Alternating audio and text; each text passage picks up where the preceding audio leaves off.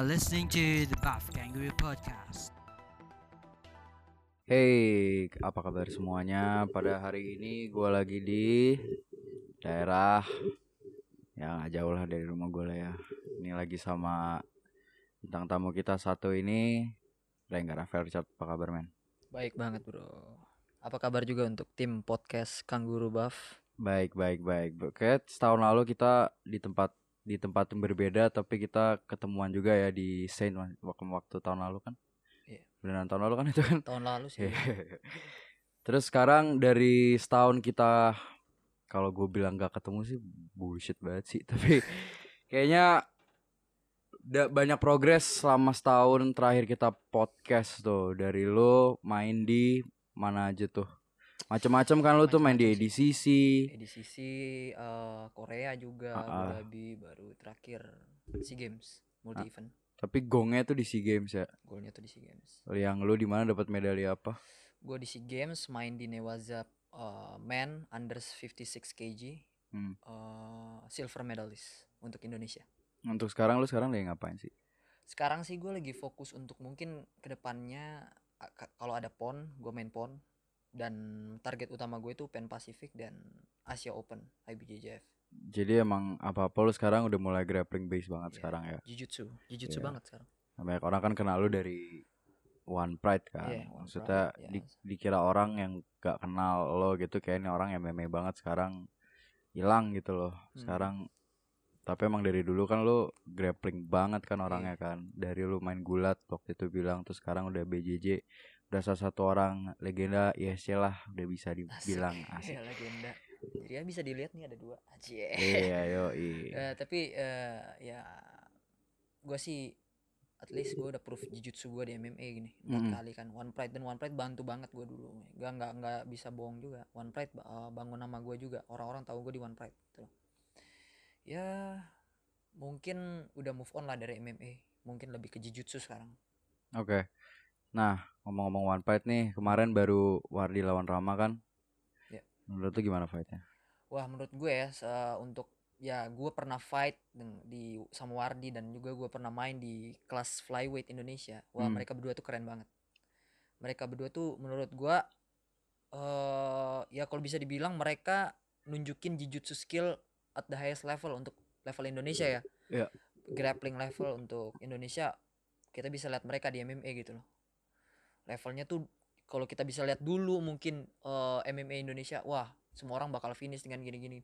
Kemarin tuh mereka main tuh lengkap. Maksudnya bisa dibilang lengkap karena dari catch control, dari clinch fighting, dari cara mereka take down, control gitu loh. And then Rama bisa menang dengan kayak caranya bagus banget RNC gitu dengan signature move-nya dia gitu loh.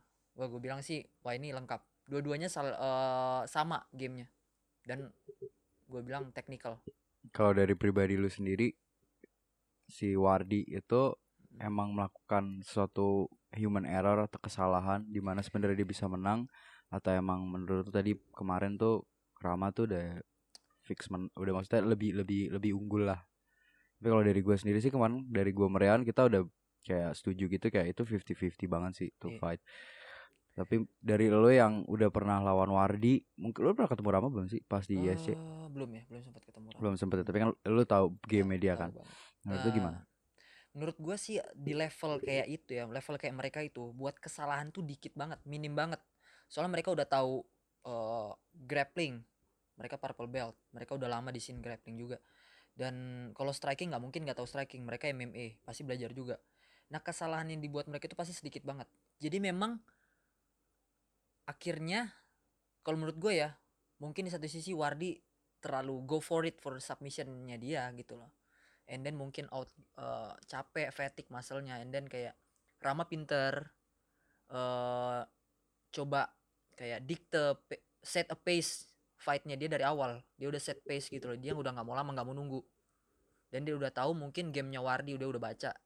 Dari sebelum mungkin Wardi main lawan Jeremy ya gitu ya. Jadi mungkin dia udah baca di situ dan ya itu memang malamnya Rama gitu loh. Jadi Rama memang bener-bener set good pace and finish gitu loh. Buat kalian yang nggak pernah kayak latihan BJJ atau mungkin juga baru latihan BJJ itu kalau mau latihan grappling atau MMA pun di clinch itu tuh capek juga kan? Capek banget men. Ya kan? Iya, itu harus ada level endurance yang lebih gila lagi ya Benar. nggak sih? bener. dan lu juga latihan forearm kan waktu itu pas podcast sebelumnya lu bilang katanya sering juga kan lu. Iya, ya kan? Dan itu ngebantu banget kan. Bantu banget ya setuju nggak lu?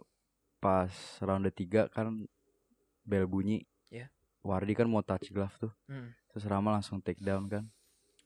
Itu Ah. menurut menurut gue itu salah satu fatal errornya Wardi sih. Kayak ya harusnya even touch glove no touch dia udah antisipasi dong. Pasti Iya. pas dari situ dia udah mulai nurunin guardnya dia tuh pasti kayak ah, kita touch baru mulai start pace lagi nih. Iya. lu gimana menurut menurut gue sih eh, bisa dibilang kayak gimana ya dulu juga pernah melakukan hal seperti itu. Tapi ya itu udah kalau gue jadi Rama itu udah ya nggak nggak ini nggak ada masalah gitu loh. Karena memang lu udah fight udah siap. Dari awal udah touch glove udah kelar.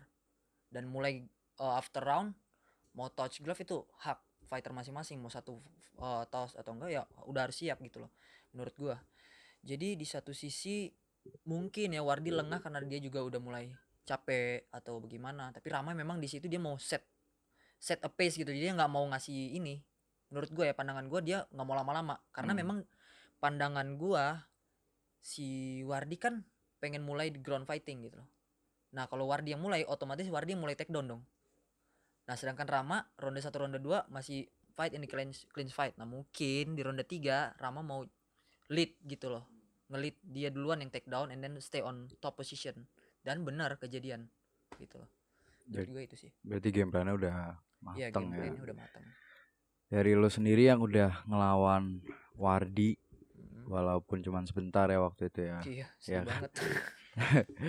Tapi emang dia orang yang worthy untuk jadi champion atau sebenarnya sebenarnya ada holesnya banyak dan baru Rama doang yang nemuin di luar lo yang udah pernah fight sama dia Hmm, kayaknya sih semua fighter tuh akan belajar dengan kesalahan masing-masing ya.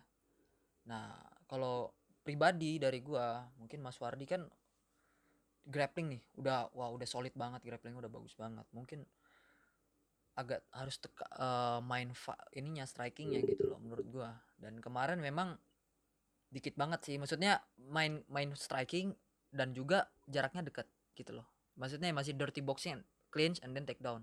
Nggak kelihatan eh, banyak banget. Be- kembali lagi waktu dia fight lawan Jeremy, itu benar-benar jaraknya agak jauh, jarak kickboxing. Benar-benar di situ kita bisa lihat sih yang dominan siapa. Sebelum terjadi mungkin gua nggak tahu low blow atau apa kecelakaan, ya di situ udah mulai gitu kelihatan yang dominan striking gitu loh. Nah di satu sisi Rama juga eh, mencoba striking tapi belum keluar semua menurut saya ya menurut saya. Jadi masih main grappling juga gitu loh. Untuk jadi seorang juara dua-duanya pasti eh, breed champion breed banget. Maksudnya ya mereka udah lama di scene MMA dan grappling ya. Jadi menurut gue ya dua-duanya memang pantas untuk jadi juara gitu. kalau dari pribadi lu sendiri toughest orang paling kayak either grappling atau MMA Hmm. yang paling berat buat lu apa? Siapa? Hmm, di Indonesia atau di selama lu tanding deh. Selama gua tanding ya? mau ternyata pertama kali lu fight ternyata itu orang terberat lu sampai sekarang juga nggak apa-apa. Eh semua sih berjalan sih gua kalau fight itu. Maksudnya gua eh, nggak bisa naro target ya. Karena ya gua gua nganggap kalau gua udah fight gue yang paling hebat gitu loh. Iya. menurut gue ya Iya. menurut gua gua nggak mau ngasih orang ini hebat ini gue bukan tanpa tanpa kecuali gua ngeremehin enggak gue mau anggap diri gue hebat. Karena apa ya? Kalau gue udah step di situ dan gua step di cage atau di matras dan gua nganggap oh gue iseng-iseng doang. Wah lu nggak siap fight man. Lu harus anggap diri lu yang terbaik. Gitu. Itu yang paling penting. Lu harus nganggap diri lu yang terbaik dan lu shit kalau gua kalah dari sini gua nggak bisa gua mungkin nggak nggak nggak makan atau gitu gitu ya. Jadi ketika lu step di matras atau di cage itu lu udah siap men. Lu anggap diri lu yang terbaik. Jangan ngasih oh ini orang hebat banget ini nggak bisa men itu mental lu ya menurut gua ya itu lu nggak ada mental fighter di situ oh nggak maksud gue kayak pas lu Hmm. lagi fight nih Hmm. ternyata nih orang kayak anjing nih orang apa skillnya sabi juga gitu Oh. Ha-ha. itu kejadian di saat eh, gua fight di final ya final sea games kemarin. Ha-ha. itu lawan black belt dari Atos Filipina. Ha-ha. dia dua kali juara Asian Asian Open. Dan gue sadarnya dia black belt itu setelah habis tanding. Oke. Iya dan pertama gue ya pas gue step on the match gue bilang ah, sya- ah bisa lah gue bisa. Mhm. gue gue udah sampai sini gitu loh. Udah gue fight. Ternyata dia uh, after gue take down gue dapat secure point dia bisa balikin gue kaget dia bisa balikin gue dan dia stay on top dan gue nggak bisa ngapa-ngapain gue kalah di final nah coach gue ngomong kalau dia ini black belt ini gini gini oh shit ya pantes gitu sih gue dapat fight yang bener-bener yang wah gue nggak bisa ngapa-ngapain di saat itu Nah, itu di si game sendiri coachnya ada siapa aja sih waktu itu? Si games itu ada tiga coach ya. Kita Hmm. head coachnya itu ada Profesor Alison Braga dari Hmm. Gracie Bahara, Gracie Oke. Baha, Hmm. dari Gracie Baha dan ada Prof Dedi Wigraha dari Iya. Alliance dan ada Prof Prof Francino Tirta dari Sinergi Pitbull. Hmm. Nah, itu lat- rasanya dilatih mereka tuh lo juga preparationnya kayak apa sih sebelumnya? Preparation pasti matang sih, Hmm. karena tujuh bulan di Gembleng, pelatnas, kayaknya dari lu siap banget, sampai lu lu suka BJJ, sampai lu nggak suka BJJ, men. tujuh bulan Lu lama nggak sih lu banget kayak ya. oh gue sema lu semangat banget latihan BJJ and then lu liat BJJ lu kayak mau maki-maki gitu gitu kayak oh sh- shit man gue bilang jenuh tapi ya hasilnya dapet Hmm. Ya akhirnya lo mendapatkan bronze ya di sini ya. silver silver Oh silver ya bahkan ya. Sorry sorry silver juga. Congrats ya men. Wes, thank you bro Udah dari tahun lalu ya gue masih inget banget tahun Iya. lalu kita ngobrol sama Rengga di podcast. Baru baru banget masuk tuh. Lo baru Iya. selesai dari seleksi. Dan gue juga inget tahun lalu dia bilang wah nih semoga podcastnya pakai video nih dan sekarang Wah, udah iya pakai video ya. nih. Akhirnya ya puji Tuhan nih. mereka bisa lihat siapa Rengga. Iya buat cewek-cewek yang tadinya Ja. cuman eh Renggo DM nih bisa dilihat nih langsung Iya, di bisa sini dilihat nih. nih Untuk orang-orang Take Me Out Indonesia yang nonton video ini Eh, tolong merek, ya men, merek. diconsider diconsider diconsider. Ah, Boleh Indosiar ya boleh, mungkin. boleh. Nah, terus lo tujuh bulan itu Mm-mm. lo di karantina benar-benar nginep atau misalkan lo masih pulang pergi atau gimana? Hmm, karantina itu ya pulang sih udah nggak mungkin bisa ya. Tapi karena gue di daerah Jakarta, jadi gue Mm. masih bisa pulang ke rumah. Untuk teman-teman gue yang dari daerah itu nggak bisa pulang. Jadi Nggak mereka tetap pulang. di stay. Kita waktu itu karantinanya di salah satu hotel di Jakarta. Hmm. Gak apa sebut merek nih.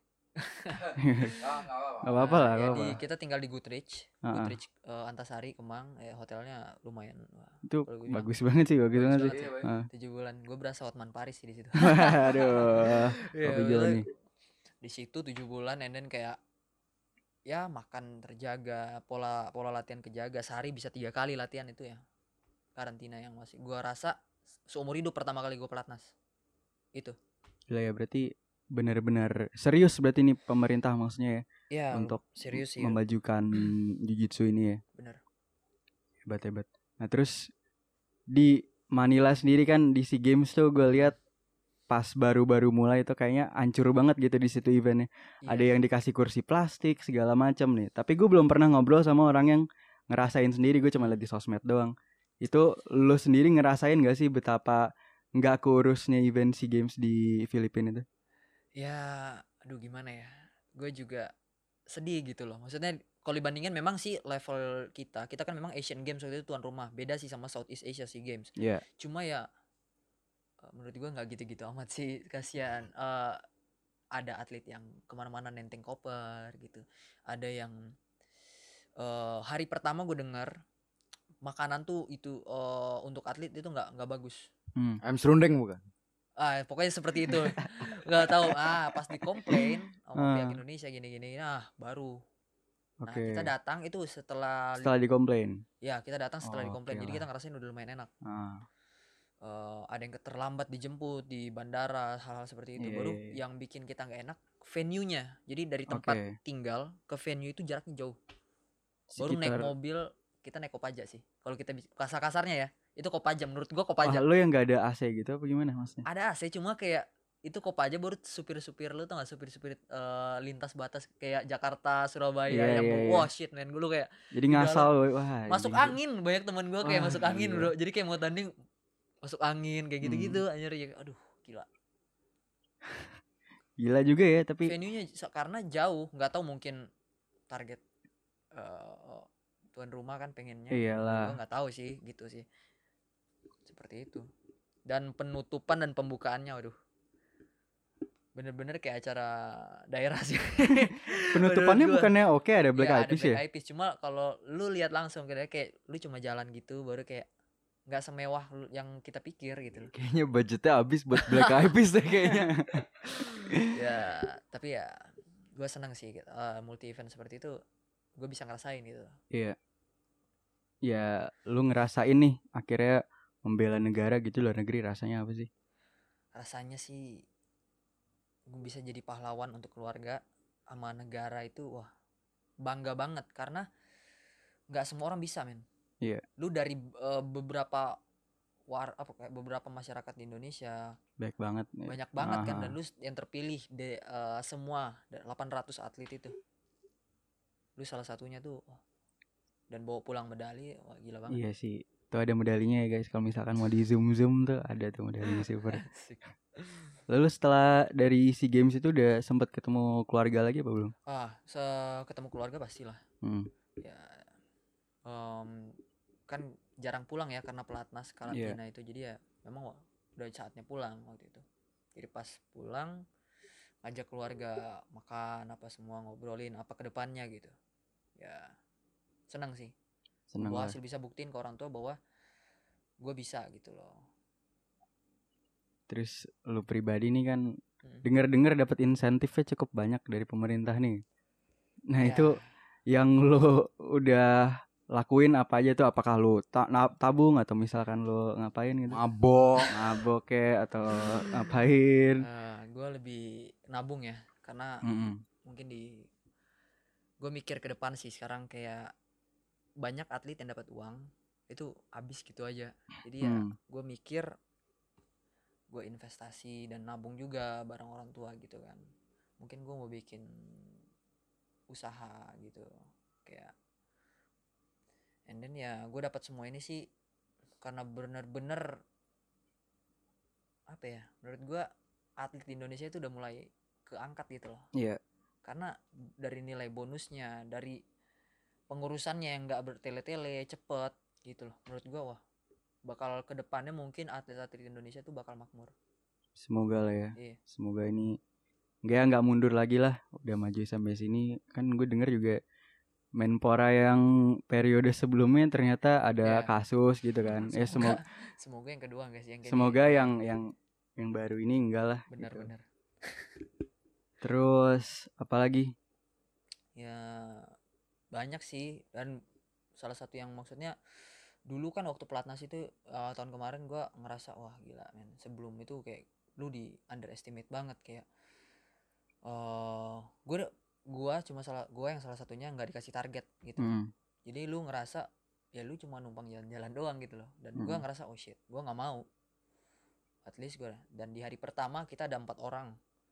Tiga orang dari teman gua ini mereka dapat bye. Jadi kalau mereka Oke. menang mereka udah, udah otomatis jauh lah ya. Nah gue mesti dari penyisian dulu. Kalau gua kalah atlet kalah gak mungkin juga fight untuk bronze jadi gua harus menang. Jadi gua dari awal tuh fight menang menang menang dan akhirnya sampai final. Nah, teman-teman gua mau ada yang gugur gitu loh. Jadi hari pertama tiga gugur cuma gua doang. Ya yang ditargetkan pada gugur. Nah gue yang nggak ditargetkan lolos ke final nih gitu. Mm. hmm apa ya? Gue sih orangnya religius juga sih ya. Iya. gue percaya Tuhan Tuhan yang bawa gue sejauh itu gitu loh. Gue minta gue minta gue cuma bilang bantu gue minta bantuan ringanin beriin kekuatan apa segala macam ya gue udah berupaya tinggal doanya doa doa dari keluarga juga dan gue juga berdoa saat itu. Ternyata gue lolos sih sampai final. Tuhan berkati gue lolos. Hmm, ya mematahkan prediksi-prediksi orang. Iya. dan gue menjadi eh, ya menurut gue ya oh, menurut orang-orang lain juga mereka bilang kalau gue salah satu yang mencetak sejarah untuk jiu-jitsu Indonesia. Karena Hmm. tahun-tahun kemarin eh, belum ada yang Sejauh mendapatkan itu, medali kan. Iya. sampai sejauh itu langkahnya gitu loh. Ya kayaknya lo orang yang mungkin salah satu orang yang di dunia MMA yang bener-bener dedikasi ya emang. Menurut gue lo orang yang suka ibaratnya suka kerja keras gitu. Kalau bahasa Inggrisnya suka ngegrind gitu. loh. iya Sama tadi lu bilang tadi lo tidak ditargetkan kan. iya Ya, benar banget lo salah satu orang berarti yang emang bener-bener masuk tim itu. Lo emang bener-bener di pacu untuk kayak anjing gue bener-bener harus pol kerja kerasnya parah nih di sini Iya, jadi lu lu di bahasa kasarnya lu, eh ini siapa sih lu? Iya. Lu anak nogi, tiba-tiba main gi, menang, ah menang juga kayak begitu paling di seleknas gini Iya. gini gini. And then kayak udah sampai tahu-tahu ikut pelatnas, tahu-tahu main main di Korea. Ah, waktu di Korea pun nih, Bro. Gue makin underestimate yang gua kalah eh gue cuma dapat bronze, gue main sekali, menang sekali. Nah, bahu gue lepas, geser, sorry. Bahu gue geser.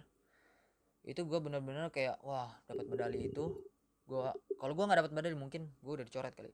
Hmm. cuma ya Tuhan baik banget sama gua masih dikasih kesempatan tuh. Gua menang dengan bahu gua yang geser di fight ke, eh, buat bronze. Purple belt di Abu Dhabi Kom- Abu Dhabi Jiu Jitsu Pro di Korea waktu itu. Kalau gua nggak menang men gila. Udah gua otomatis sudah pasti di Nah ini lumayan agak pencerahan juga nih ya gak sih? Lo emang ngerasa lo di kayak gitu atau emang ada satu orang yang bilang kayak lo tuh sebenarnya nggak make nggak bisa make it di tim ini gitu. eh ngomong secara langsung sih enggak sih Ah, Cuma tapi, ya tapi lo ada feeling gitu. feel oh itu udah pasti banget men Lo ngerasa nggak vi- dari aura vibesnya gitu? vibesnya di tuh udah situ? kayak lu ya kayak gitu yang gue bilang Eh, nggak dapat target dan ya bener-bener orang baru di situ kan gue orang baru dari nogi yang main gi sedangkan gua nggak pernah ada menang gi kayak kompetisi gi gitu kan jadi kayak bener-bener underestimate ah renggap taunya nogi doang gini gini gini ya itu udah pasti sih gue udah ngerasain tapi gua nggak berkecil hati men gue latihan rajin gue lebih lebih pacu latihan gua gitu loh dan bener gue bisa Tapi berarti ada apa? Birokrasi juga kenceng juga ya. Kayak kalau kita kan ngomong selalu Hmm. eksternal ya. Maksudnya kayak Iya. tadi lo tadi Rehan ngomong kayak isi games atau apa. Tapi Ah. kayak ternyata di internalnya juga ngaco juga berarti. Maksudnya bukan ngaco sih, cuman ada ada agenda tertentunya gitu Iya. nggak sih? ya bisa Tap- dibilang gitu lah Tapi environmentnya maksudnya lo dan teammates lo dan lo dan coach lo gitu hubungannya oke-oke aja. Gua ada something ya. special sama satu orang apa gimana? Ah, enggak juga sih. Gue lebih ngerasa spesial tuh mungkin ketemu ke nggak ada sih menurut gue. Dan dua juga eh, sama teammates doang sih. Gue lebih akrab sama teammates. Dan mungkin di satu sisi gue lebih tua dari mereka kan. Jadi mungkin mereka ngelihat gue sebagai oh abang gitu gitu gitu. Tapi ya untuk lebih ke intim ke coach yang mungkin lebih deket lebih dekat ya ke Prof. Alisan Braga sih. Mm-mm. ya dia banyak nge- nge- ngerubah game gua. Dan ya bisa bilang dia bantu gua berubah. Gua jadi orang yang lebih baik juga gitu loh. Kalau teammates lo emang di sana semuanya pada punya agenda sendiri-sendiri kayak bersaing apa apa apa Eh. environment kayak satu orang bantu satu sama lain Kita apa gimana? bantu satu sama lain cuma kan kita nggak tahu eh, agenda masing-masing nggak ada yang- nggak pernah kita ngumpul satu bareng gitu untuk ngobrolin oh mau gini gini gini enggak kita cuma lebih fokus ke latihan Jadi nggak transparan juga dong. kita lebih Jadi selesai practice ya udah ya gitu. Pisah-pisah semua. pisah-pisah. Mungkin gue yang misahin diri kali ya Oh, gue gitu. nggak tahu ya Iya iya iya iya. mungkin dia seperti itu karena lu latihan sehari tiga kali and then lu butuh nggak sih drama-drama kayak gitu Iya gue benar tanya juga sih sih. ke oma lu kayak lu capek tiga hari lat tiga sehari tiga kali Iya. and lu mesti denger curhat-curhatan keluh-keluhan dan kayak hal-hal yang nggak jelas gitu kayaknya gue udah nggak ada waktu untuk kayak gitu gitu Iya, tapi di luar kayak lo latihan selesai latihan gitu apakah lu masih ngomongin latihan? Apa kayak udah ngomongin hal-hal yang lain sama Hmm. teman am- eh, eh, specifically sama teammates lu gitu Iya, kayak? apa sih. sama roommate Iya. apalah gitu apa, ap- soalnya kalau kayak kalau kayak gua gitu gua abis Hmm. abis camp gitu. Misalnya gua merehan sama sama, sama teman-teman gua lain gitu. Abis bener-bener ya guys thank you ya udah pada datang semua. Udah selesai itu langsung kayak lo bisa nongkrong di mana? Ya kayak, Ah, udah bener-bener kayak na- namanya jab straight hook takedown tuh udah bener-bener hilang gitu loh. Ya vibesnya sama? Kayak ya gitu. sama sama kayak gue Ah. bilang kan lu bakal jenuh. Lu lihat jujutsu udah udah pengen marah. Apalagi habis latihan lu masih ngomongin hal itu kayaknya udah gak mungkin. Jadi kita tuh di kamar kalau nggak main game ngomongin lihat cewek. Itu udah pasti nggak mungkin lihat cowok dong. Ya kan jadi lihat cewek kayak shit kapan nih bisa jalan sama ini? Kapan nih bisa ketemu ini? Gini gini gini. Gitu sih ya untuk ngomongin teknik-teknik mungkin ya itu pas hari sebelum tanding kayak oh kita gimana besok bakal gini gini gitu. Gua ngerasainnya di situ sih. Cuma kayak habis latihan tuh kayak oh shit. Nah udah selesai ngomongin tentang kompetisi apa gue pengen tau Rengga aslinya nih kayak gimana nih. Lu tahu gua gimana bro. Apakah emang kayak ini emang suatu pencapaian hidup lo supaya emang jadi orang grappler terbaik di Indonesia bahkan di luar negeri? Iya. Apa sebenarnya di luar di luar kayak prestasi lu di dunia olahraga gitu? Apakah lu punya kayak suatu pencapaian lain gitu di luar sport gitu? Kalau jujitsu mah amit-amit gue ketok nih amit-amit bener-bener amit-amit lu tiba-tiba ketabrak Wah. jatuh gitu terus lu lumpuh gitu jauh amit-amit amit-amit amit-amit amit-amit gitu ya atau atau lu kayak kenapa lah terus lu bener-bener nggak bisa grappling lagi menurut gua ini masih komplimen nih menurut gua lu akan tetap senang dengan karir lo karena gue udah mencapai Hmm. lebih dari apa orang yang capai di sini gitu loh Iya. Amit-amit ya tapi sebenarnya kayak di luar jujitsu gitu kayak apa lu punya dream dream yang lain gitu loh apa emang dari dulu lu kayak emang emang gue di, udah senang di sini gitu kayak Dream gua ah, sih ah, kayak apa gitu dulu kayak ya back iya. in the day Ah. gua tuh suka main skate Mm-mm. gitu. skater banget tuh asik boy fans ya kan bawa papan skate udah lah gitu. cuma ya gua nggak ada bakat di situ gitu and then gua nemuin jujutsu nemuin bela diri. Gua langsung ganti mimpi itu jadi itu. Jadi kalau misalnya amit-amit gue gitu-gitu ya gue nggak latihan jujutsu mungkin gue masih stuck di skateboard gitu Mm-mm. masih main skate masih or gue dulu juga sempat ngeband gitu. Eh, nyanyi nyanyi cover lagu gitu loh ya. Tapi ya gue bener-bener nemuin mimpi gue tuh di jujutsu mm. gitu sih jadi lu bener nemuin tujuan tujuan gue di sampai lu mokat tua Iya. gitu lu emang disetujui sih gitu. Pasti di jujutsu. Lu skate udah mumpung sekarang Mm-mm. 2020 cita-cita banyak orang kan jadi fuckboy sekarang Asik. asik jadi skate sekarang lagi ngetren lagi kan Iya, apalagi di ngetren lagi Bali tuh. sekarang kan apa Iya, salah satunya apa ya Pretty Poison gitu asik gila banget tuh. asik asik asik asik canggu banget Canggu banget. canggu fuckboy mantap pakai kaos Deus kan Iya, celana Deus Ex pendek yoi Aduh. sepatu fans Vespa Vespa Matic tapi Matic Matic. Matic harus Matic lo. Masih masih sering nggak? Kayak kayak kayak kayak Crown Gracie gitu kan. Di Aha. luar jujutsu kan dia nge-skate Iya, apa apa gitu.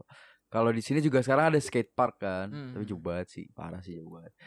Dari dari sini ya dari sini. Dari lokasi kita ini ya guys. Iya. Apa namanya? Lo pernah nggak kayak lagi ga- gabut lagi malas banget nih jujitsu lo kayak aku pengen nge-skate lagi deh. Hmm. betul pikiran? Pernah kayak gitu Ha-ha. yang penting bukan TikTok guys Ya. penyakit, penyakit doi, penyakit. NBA udah masuk penyakit TikTok kemarin All Stars. Please. Aduh, Goblok parah gitu, banget. main NBA anjing. Gua di One aja dia jedanya pada main TikTok anjing. Aduh, gila, Asli. gila, gila. Ayo lanjut lanjut main lanjut. ya jadi ya ada lah lu pengen main main kayak main skate atau enggak surfing gitu kan kayak wah cari hobi lain selain jujutsu gitu. Iya. pasti ada. Gue sempat main beberapa kali ke daerah Kemang ya di Twilo gitu. Ah, main skate situ sama ya teman-teman gua gitu loh. Tapi ya nggak sejago yang maksudnya gua wow pas nyoba ada takutnya juga gitu loh. Kayak shit shit gua nggak bisa ya ternyata gini ah.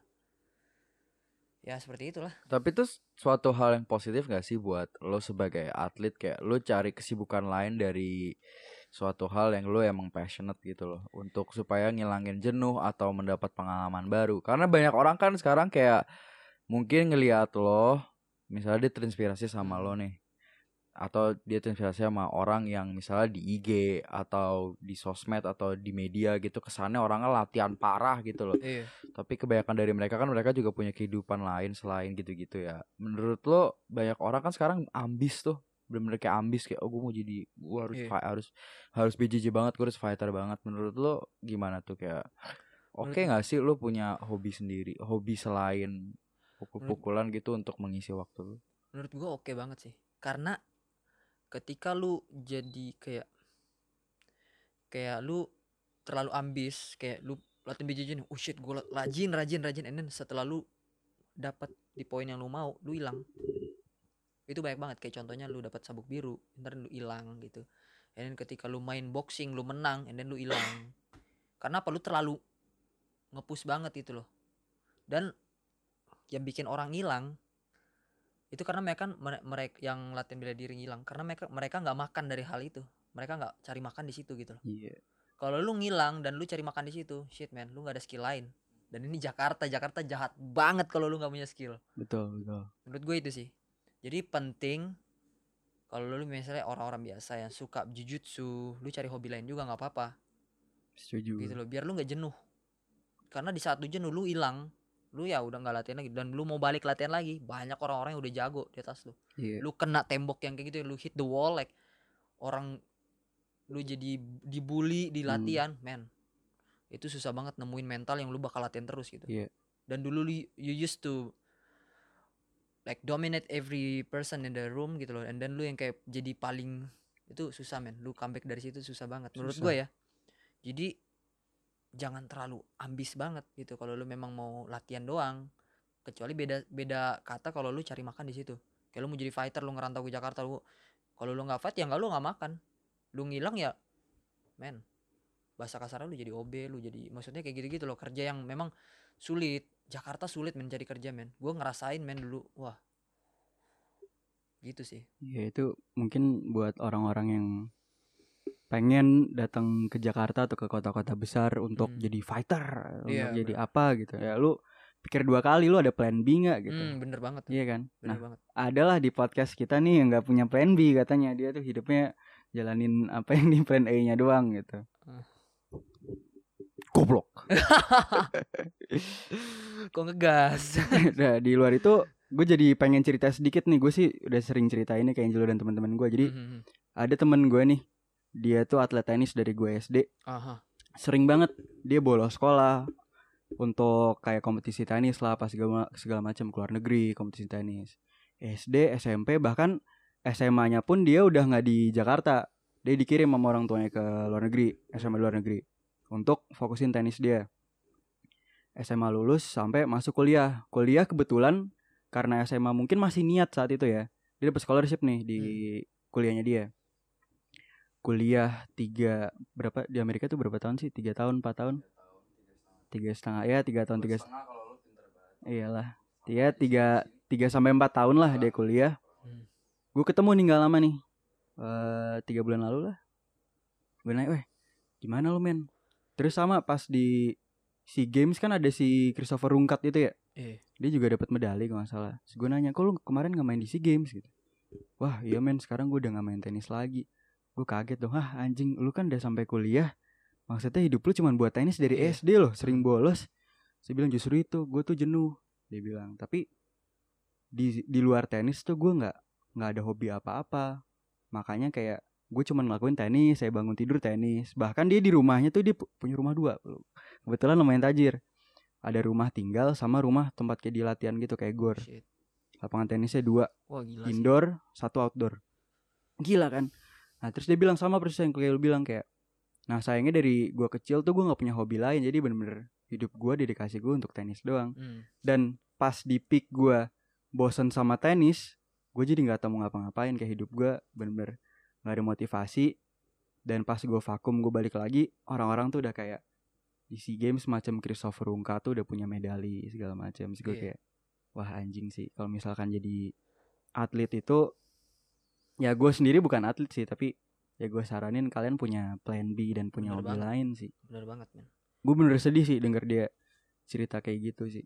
Karena ya kayak masa masa sekolah aja kan pasti lu banyak lah masa-masa seneng gitu kan. Iya pas tapi dia ngelewatin gitu karena dia keluar negeri atau dia harus latihan gitu. Ya itu.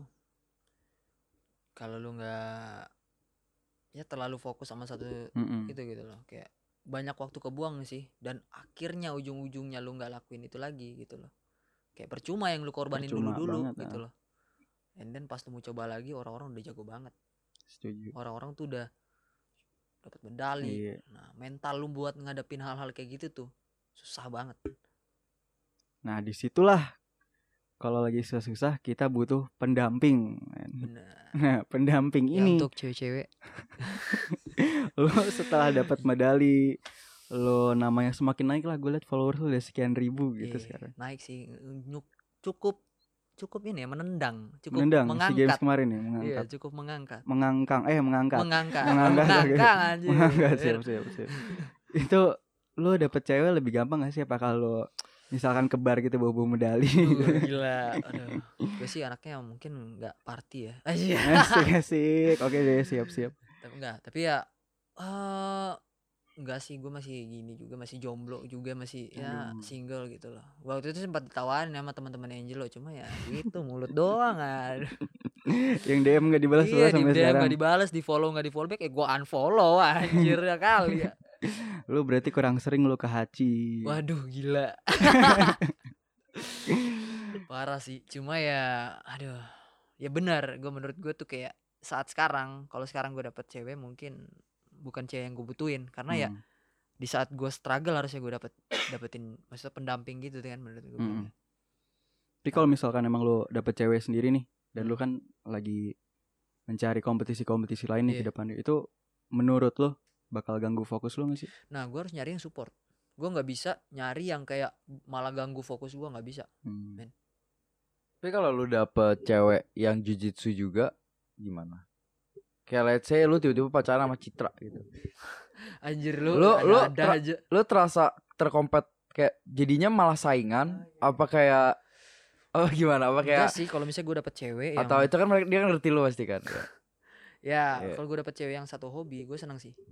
Cuma di satu sisi ya hmm, gue takutnya bosen. Gue takutnya cepet bosen. Itu sih. Eh dengan satu visi semuanya se- sejalan terus gitu loh. Lo ujung-ujung lu pasti kok gampang banget ya? Lu pasti bosen gitu loh. Iya. nah jadi gue ya pengen nyari so eh, hobi nah, penting intinya support gue aja dah. Gitu nggak usah ribet dah. Itu doang sih. Kan sebelumnya pas kapan ya? Man- mantan lu kan berapa lama tuh? Dua berapa lama? Dua berapa? Aduh, Pas. GFL ya? Iya. Aduh, lu, lu sempet ketemu ya? Sempet sempet gila sempet ketemu Udah lama banget ketemu. anjir. Iya. Tapi pada saat itu dia support bukan dia support tuh ya. Aduh, gimana ya? Anjing berat banget bahasanya. Untuk cewek-cewek gua nggak set boy. Iya gitu. Iya, Ci gitu. Justru Ya. sad boy yang dicari, men. Udah gitu. Iya. Set boy itu pelampiasan, Bro. Iya. Iya. Kalau fuckboy lu mesti Fuckboy. gendut. Enggak, fuckboy itu adalah set boy yang lelah disakiti. Asik. Anjir. Tapi ya eh, di saat itu ya dia support sih. Iya. Cuma ya sulit juga, Bro. Memang udah bukan jalannya sih. Gitu Iya. aja sih. Gue mikirnya gitu aja sih. Kita tuh harus ya, mendoakan mantan kita dapat yang terbaik. Amin amin amin. Walaupun yang terbaik itu hanyalah kita. Aja. Asik. itu kutipan dari punya orang sih gue kutip. Anonim anonim. Anonim. Anonim. Nah, apa namanya? Gak enaknya dilemanya Ah, sebagai atlet itu di luar lu capek banget tiap hari. ah. Itu yang ngekomplimen lu tuh cewek tuh dikit. Justru cowok yang komplit lu anjing Iya, bicep lu banget. makin gede deh. Ih, parah. Anjing abs lu makin gede deh. Gue ngerasain itu tuh tuh parah banget. Kayak Sedang DM DM dari ya gay Tuh. gitu. Wah shit man. Gua please gua gua normal, tolong cewek-cewek perbanyak DM gua. Gua lu bayangin kayak pagi bang, wah gimana nih ini tapi cowok. Dude, come on man, baru waduh. Sedih sih. sedang sedangkan kalau misalnya cewek nih gitu, Ah. waktu gua kuliah atau gua lagi sama cewek gua sekarang. Salah tanya gini kayak waktu zaman gua fight, gua bilang, "Anjing, badanku udah makin bagus sih sekarang." Paling bilang gini, "Ah, aku gak suka badan kamu kurus, aku pengen kamu cabi." Lah, terus kayak, "Lah, gimana sih?" Terus gua waktu itu ada nih salah satu Ah, temen gua cewek. Ya, gua gak mau sebut nama lah, Hmm. anggap aja anonim, anonim. iya. Dia bilang gini, ya lo sebenarnya kalau cewek itu kebanyakan maunya cowok gendut. Terus gue bilang kenapa? Lah bukannya idealnya kayak di film-film gitu ya itu kalau di film-film. Tapi kalau di, di dunia nyata kita tuh nggak mau disaingi dengan cowok yang badannya bagus. Soalnya kita Hmm. jadinya iri. Oh, Sedangkan kalau- iya. insecure. Tapi kalau kita punya cewek eh, punya cowok yang gendut itu ya bisa kita cabi-cabiin, bisa kita gemes-gemesin. Terus kita bener-bener guilt free. Jadi kita Iya. nggak di-push.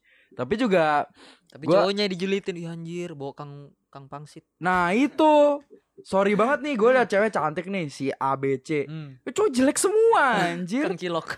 Ah, tuh, Kang Cilok, Kang Sayur, Kang Bakso Aduh anjir. Mang Mang Mang Mang. Ya Allah Ya Allah Ya Allah, Aduh, ya gila. Allah. Nah di luar ah, Udah Udah lah move Cukup on. lah cukup lifestyle lu gimana sih? Kalau dalam kompetisi nggak usah ditanya lah. Hmm, Man sehat, apa cut weight, ya gitulah udah. hmm. Dengerin semua podcast kita, semua orang ngomong gitu semua. Dan kalau lagi off nih, lu kerjanya ngapain sih? Maksudnya kayak makannya apa Gue ngaco suka lah. Oh, gue suka makan. Ah, ah. Dan gue juga suka traveling tuh. Kalau minum gimana? Minum sih, aduh, dikit ya. Dikit. Ah, Gue dikit gitu. Gue lebih suka makan sih. ah, ah. Kalau kalau Karena kalau gue orangnya tuh nggak bisa diam satu tempat dan lapar mulu gitu bawaannya. Nggak tahu kenapa. Jadi gue sih pengen mungkin beberapa bulan ke depan gue mau ke Bali juga gitu loh. Mau Mm-mm. training camp juga di sana tiga bulan sambilnya liburan juga gitu loh. Lifestyle gue gitu sih. Jalan nggak bisa bisa diam satu tempat dan gue suka banget sepatu men. Mm-mm. Gue suka banget sneaker. Kayak wah. Bis kalau gua lihat sepatu tuh pengen bawanya pengen beli mulu. Ya. Gitu sih. lu kaum ko- sepatu kompas gak? Ska, zaman sekarang nih lagi dicari Sepatu senja. sepatu senja. Yeah. Kaum senja, Kaum sepatu senja. senja. Lu orang yang mengejar sepatu itu apa tidak? Enggak sih. Gue lebih ke Converse. Kalau se, se ininya Converse sih gua. Mm-mm. Dan gua hmm, New Balance atau enggak Jays. Jays Ya, satu dua. Jays. Gua seneng Jays 1 sama Jays 3 sih. Ah, Kalau Jays 4 ke atas tuh udah kayak basket banget. udah kayak gua. basket banget. Nah. Dan lu sendiri udah punya sepatunya? Eh, ada tapi nggak di sini. Ah, Ya. Eh, gua di sini paling pakainya Air Force One mm-mm. NB la- 850 yang baru keluar sama Converse itu tiga doang sih. momen paling di luar selesai fight atau apa Hmm. di mana tadi kan lu makan atau traveling yang rasanya lu bener-bener puas banget apa Puas tuh banget tuh lu abis dari diet terpanjang lu, ah and then lu bisa makan french fries dicampur keju, man. Like french fries with cheese on it. McD Wah, French friesnya pasti McD, ah. baru pakai cheese gitu. Wah, gua tuh senang banget tuh. cheese cheese lu beli sendiri Beli sendiri, baru lelehin. ah Wah, anjing. gila sih. Baru itu. kayak mikir, wah, semuanya kebayar gitu loh. iya iya iya gitu sih gua ngerasa malah gua nggak eh lebih senangnya kayak gitu makan ngerasanya pas menang tuh besoknya baru berasa euforianya gitu pas hari H itu kayak lu masih ada nggak nyangka kan oh nggak terlalu nik tapi pas besoknya lu oh shit gue menang. Ini banyak orang yang wah congrats man. Baru diangkat berita gini, itu tuh di situ gua ngerasa oh shit I made it gitu loh. Mantap. Kalau tadi lu bilang katanya lu suka traveling kan? Hmm. traveling pencapaian lu di luar kayak misalnya gua harus ke tempat A untuk training camp itu ke mana? Eh kalau di luar ya? Ah ah, gue pengen ke Brazil sih bro. Ah, ah. pengen banget gua ke Ya- Brazil. yang pasti kan latihan. Iya, di luar itu latihan. Di luar itu di luar maksudnya maksudnya kayak di luar latihan maksudnya lu pengen ke oh jalan-jalan patung Yesus Iya, patung Kristus atau- ada Brazil tuh visa free loh kalau Indo setahu gue. serius Heeh. kok Bisa bisa, dicek di internet nggak tahu. Hmm, Brazil sama apa tuh yang ada Machu Picchu apa namanya? Eh, Meksiko. Eh, Machu Picchu tuh yang mana ya? Yang kayak kotak-kotak itu Iya. ya kan? Itu bukan itu kayak Aztec-Aztec gitu kan? Itu bukan di Meksiko emangnya. Oh, iya iya situlah. Pokoknya dua negara Amerika Latin tuh Brazil sama si Machu Picchu ya kalian boleh browse lah di mana. hmm. Baru deh gitu baru baru kayaknya. Shit, Ada- tahu, Ada tahu. ada ada KW-nya di Peru Peru. Oh, di Peru. Ada KW-nya di Meksiko tapi itu kayak resort gitu. Namanya Exuma. Jojo, Jojo ke Brazil pengen ke mana ke La Favela. Ya di Bali ada. di Bali ada, Pak. ke La Favela gila rusuh banget. Lu literally ke favelanya, Bro. Kalau di? Brazil, lu Oh, ke tak- favela. serem, bro, Iya, serem sih. bener-bener. Apa Tapi serem sih. no- nonton bola di atap-atap yang TV-TV Iya. box gitu. Tapi serem sih gitu loh katanya. Gue nanya profesor-profesor gue yang di Brazil kayak teman-teman. Lu kalau ke La Favela, kayak ke La Favela kan. Sorry guys. Kalau ke favela jangan sendiri, men. Itu lu bener-bener parah sih. Lu bisa diculik, bisa ditodong atau lu mereka bakal tahu lu bukan orang situ. Mere- Mereka bakal tahu lu kalau oh this is gringo. It's not a Brazilian atau pasti tahu. Dan lu bakal dirampok Iya. dan lu bakal ya kasus pembunuhan sana kan tinggi banget gitu loh. Iya. Hulk aja di ditinggal di Brazil Hmm. dikerjain sama orang-orang dibilang gringo. Terus dia Iya. untung jadi Hulk. Garing garing garing garing. Terus apa namanya? Jadi lu emang mentok ke Brazil doang. Iya Brazil. Gak lu gak pernah kayak gue pengen ke pantai A, gue pengen ke Amerika gitu. Ya Brazil sih satu tujuan baru ke Jepang tahun ini ke Jepang pasti gua. Oke. Asian Open. Baru aduh mana UK. UK sih Mau ke Big Ben. nggak gue pengen ke UK aja udah gue nggak mau tahu ke mana tujuannya UK Ke Iya. Liverpool mungkin Jadi James Bond. oh iya Asik. Udah menit keberapa sih nih? Oh udah. nggak berasa ya Ji Gak berasa boy. Oh udah. Ya sebelumnya kayaknya kita harus menanyakan pertanyaan-pertanyaan yang di luar pu- pukul-pukulan kali ya. iya bener Apa ya? Hmm, yang ada di otak gua. Lu sekarang tinggal di daerah ini. Lu udah pernah ke mana aja? Ya literally gue sampai sini checkpointnya balik lagi ke selatan pasti Nah, jadi bulan depan di daerah Iya. ini tuh ada tempat. Apa? Jadi tempat tongkrongan kita lah nih Oh, kayak iya tutup sih. sebulan gitu. oh serius Iya. apaan tuh eh, tongkrongan tuh seperti apa ya saya soalnya hal-hal baru seperti ini saya jarang oh iya sih nggak jorok nggak nggak Oh, jorok iya. atau nggak nggak ini kok nggak nggak nggak suatu hal yang jahat kayak alkohol gitu. bukan, bukan. tapi lumayan sih tempat ini tuh menyediakan teh tarik luar biasa di daerah Hmm. ini. Senja? Enggak. bukan Oh, sorry. sorry ya. Ya lu kalau di review Zomato gua oh iya siap siap. gua waktu itu komen kayak gini. Pokoknya lu minum teh tarik panas di tempat ini auto semua makanan jadi enak semua. Dan itu harganya gua pesan empat macam makanan gak nyampe lima puluh ribu. Serius? Demi. Tapi tutup sekarang. Kenapa tutup ya karena dia pindah lokasi. Ya gitu. Pindah lokasi ke seberang. Seberang maksudnya? Ke, ke jadi jadi ini ini restorannya nih. Ah. oh nyebrang doang? Nyebrang doang Oh, nyebrang iya, iya, jalan. anjir. jadi lebih kecil lah soalnya dia lagi invest berbagai macam cabang. Hmm. Lo harus ke sana sih. Kita harus ajak lo. Ya pasti. Karena di daerah ini yang kalian nggak bakal tahu ya sampai sekarang ya. Iya. Ya Daerah atau ini mungkin dengerin podcast podcast sebelumnya udah kali ya udah tahu. Ada lah bocorannya lah kalau kalian Asik. mau korek-korek. iya. Baik cewek-ceweknya nggak di situ Oh, aja ya. jadi lo mesti harus datang. Jadi thank you banget udah ngasih waktu Thank you, buat guys, kita. Udah ngasih tahu cerita tentang SEA Games ya di Benar, ba- ba- luar dan di dalamnya. Cerita tentang eh, karir lu sekarang ini. Benar. Dan nextnya tadi kita di awal-awal ya kita bilang lu mau ke mana ada harapan untuk para pendengar lo atau kayak ada message yang lo mau kasih gue cuma mau ngasih pesan sih kayak eh kayak apa ya kalau lu bener-bener pengen ngelakuin sesuatu ya lu bener-bener mesti suka banget dan kasih hati lu di situ gitu kayak Kobe Bryant bilang if Almarhum. ya al almarhum bilang Mm. if you ask for my hustle I give you my heart gitu loh itu benar banget men kalau lu biasa. setengah-setengah ngejalanin itu ya susah. Luar biasa luar biasa. Thank you banget Rengga. Ada Instagram Facebook Twitter Instagram TikTok. at Rengo Instagram gua. Dan YouTube belum ada. Nggak nggak main YouTube. Dan mungkin lebih lebih fokus ke Instagram aja mungkin orangnya. Oke jangan lupa di follow ya tuh. Renggo. Ya R E N G G O. Ya, kan? ya. Renggo atau tulis nama Rengga aja Terima kasih udah dengerin Buff pada hari ini. Jangan lupa di follow buffkangaroo.pod. Jangan lupa subscribe ke YouTube kita. Kita butuh kira-kira lagi 90-an subscribe, 90 Semangat something gua lah. doain mencapai 12k Anjing sabi. Ya Allah. 12k mimpi itu jangan pendek-pendek jangan 1000k 12k Asik. 12k Subscribers. Subscribers. tapi memang sih subscriber itu susah banget men nyarinya. Setahu gue ya gue dikasih teman gue yang youtuber dapetin 20 subscriber atau 2 sampai 100 aja itu susah banget. Beda sama follower. Parah parah parah. follower Instagram lu Gampang. gampang. Gampang. subscriber YouTube itu paling susah katanya. Jadi menurut gue untuk kalian yang nonton YouTube biasakan nonton pencet subscribe. Jangan cuma nonton doang. Modal ya gak sih? Iya, pencet subscribe-nya Luar biasa dan kita juga punya Patreon buat kalian semua yang nyumbang 5000 pun kita akan kasih suatu konten eksklusif buat kalian. Terima kasih dari daerah kita yang tidak mau dinamakan ini dalam apartemen Rengga. Rehan di sebelah gua, Angelo. Sampai jumpa. sampai jumpa thank you guys Tuhan Yesus memberkati. Amin.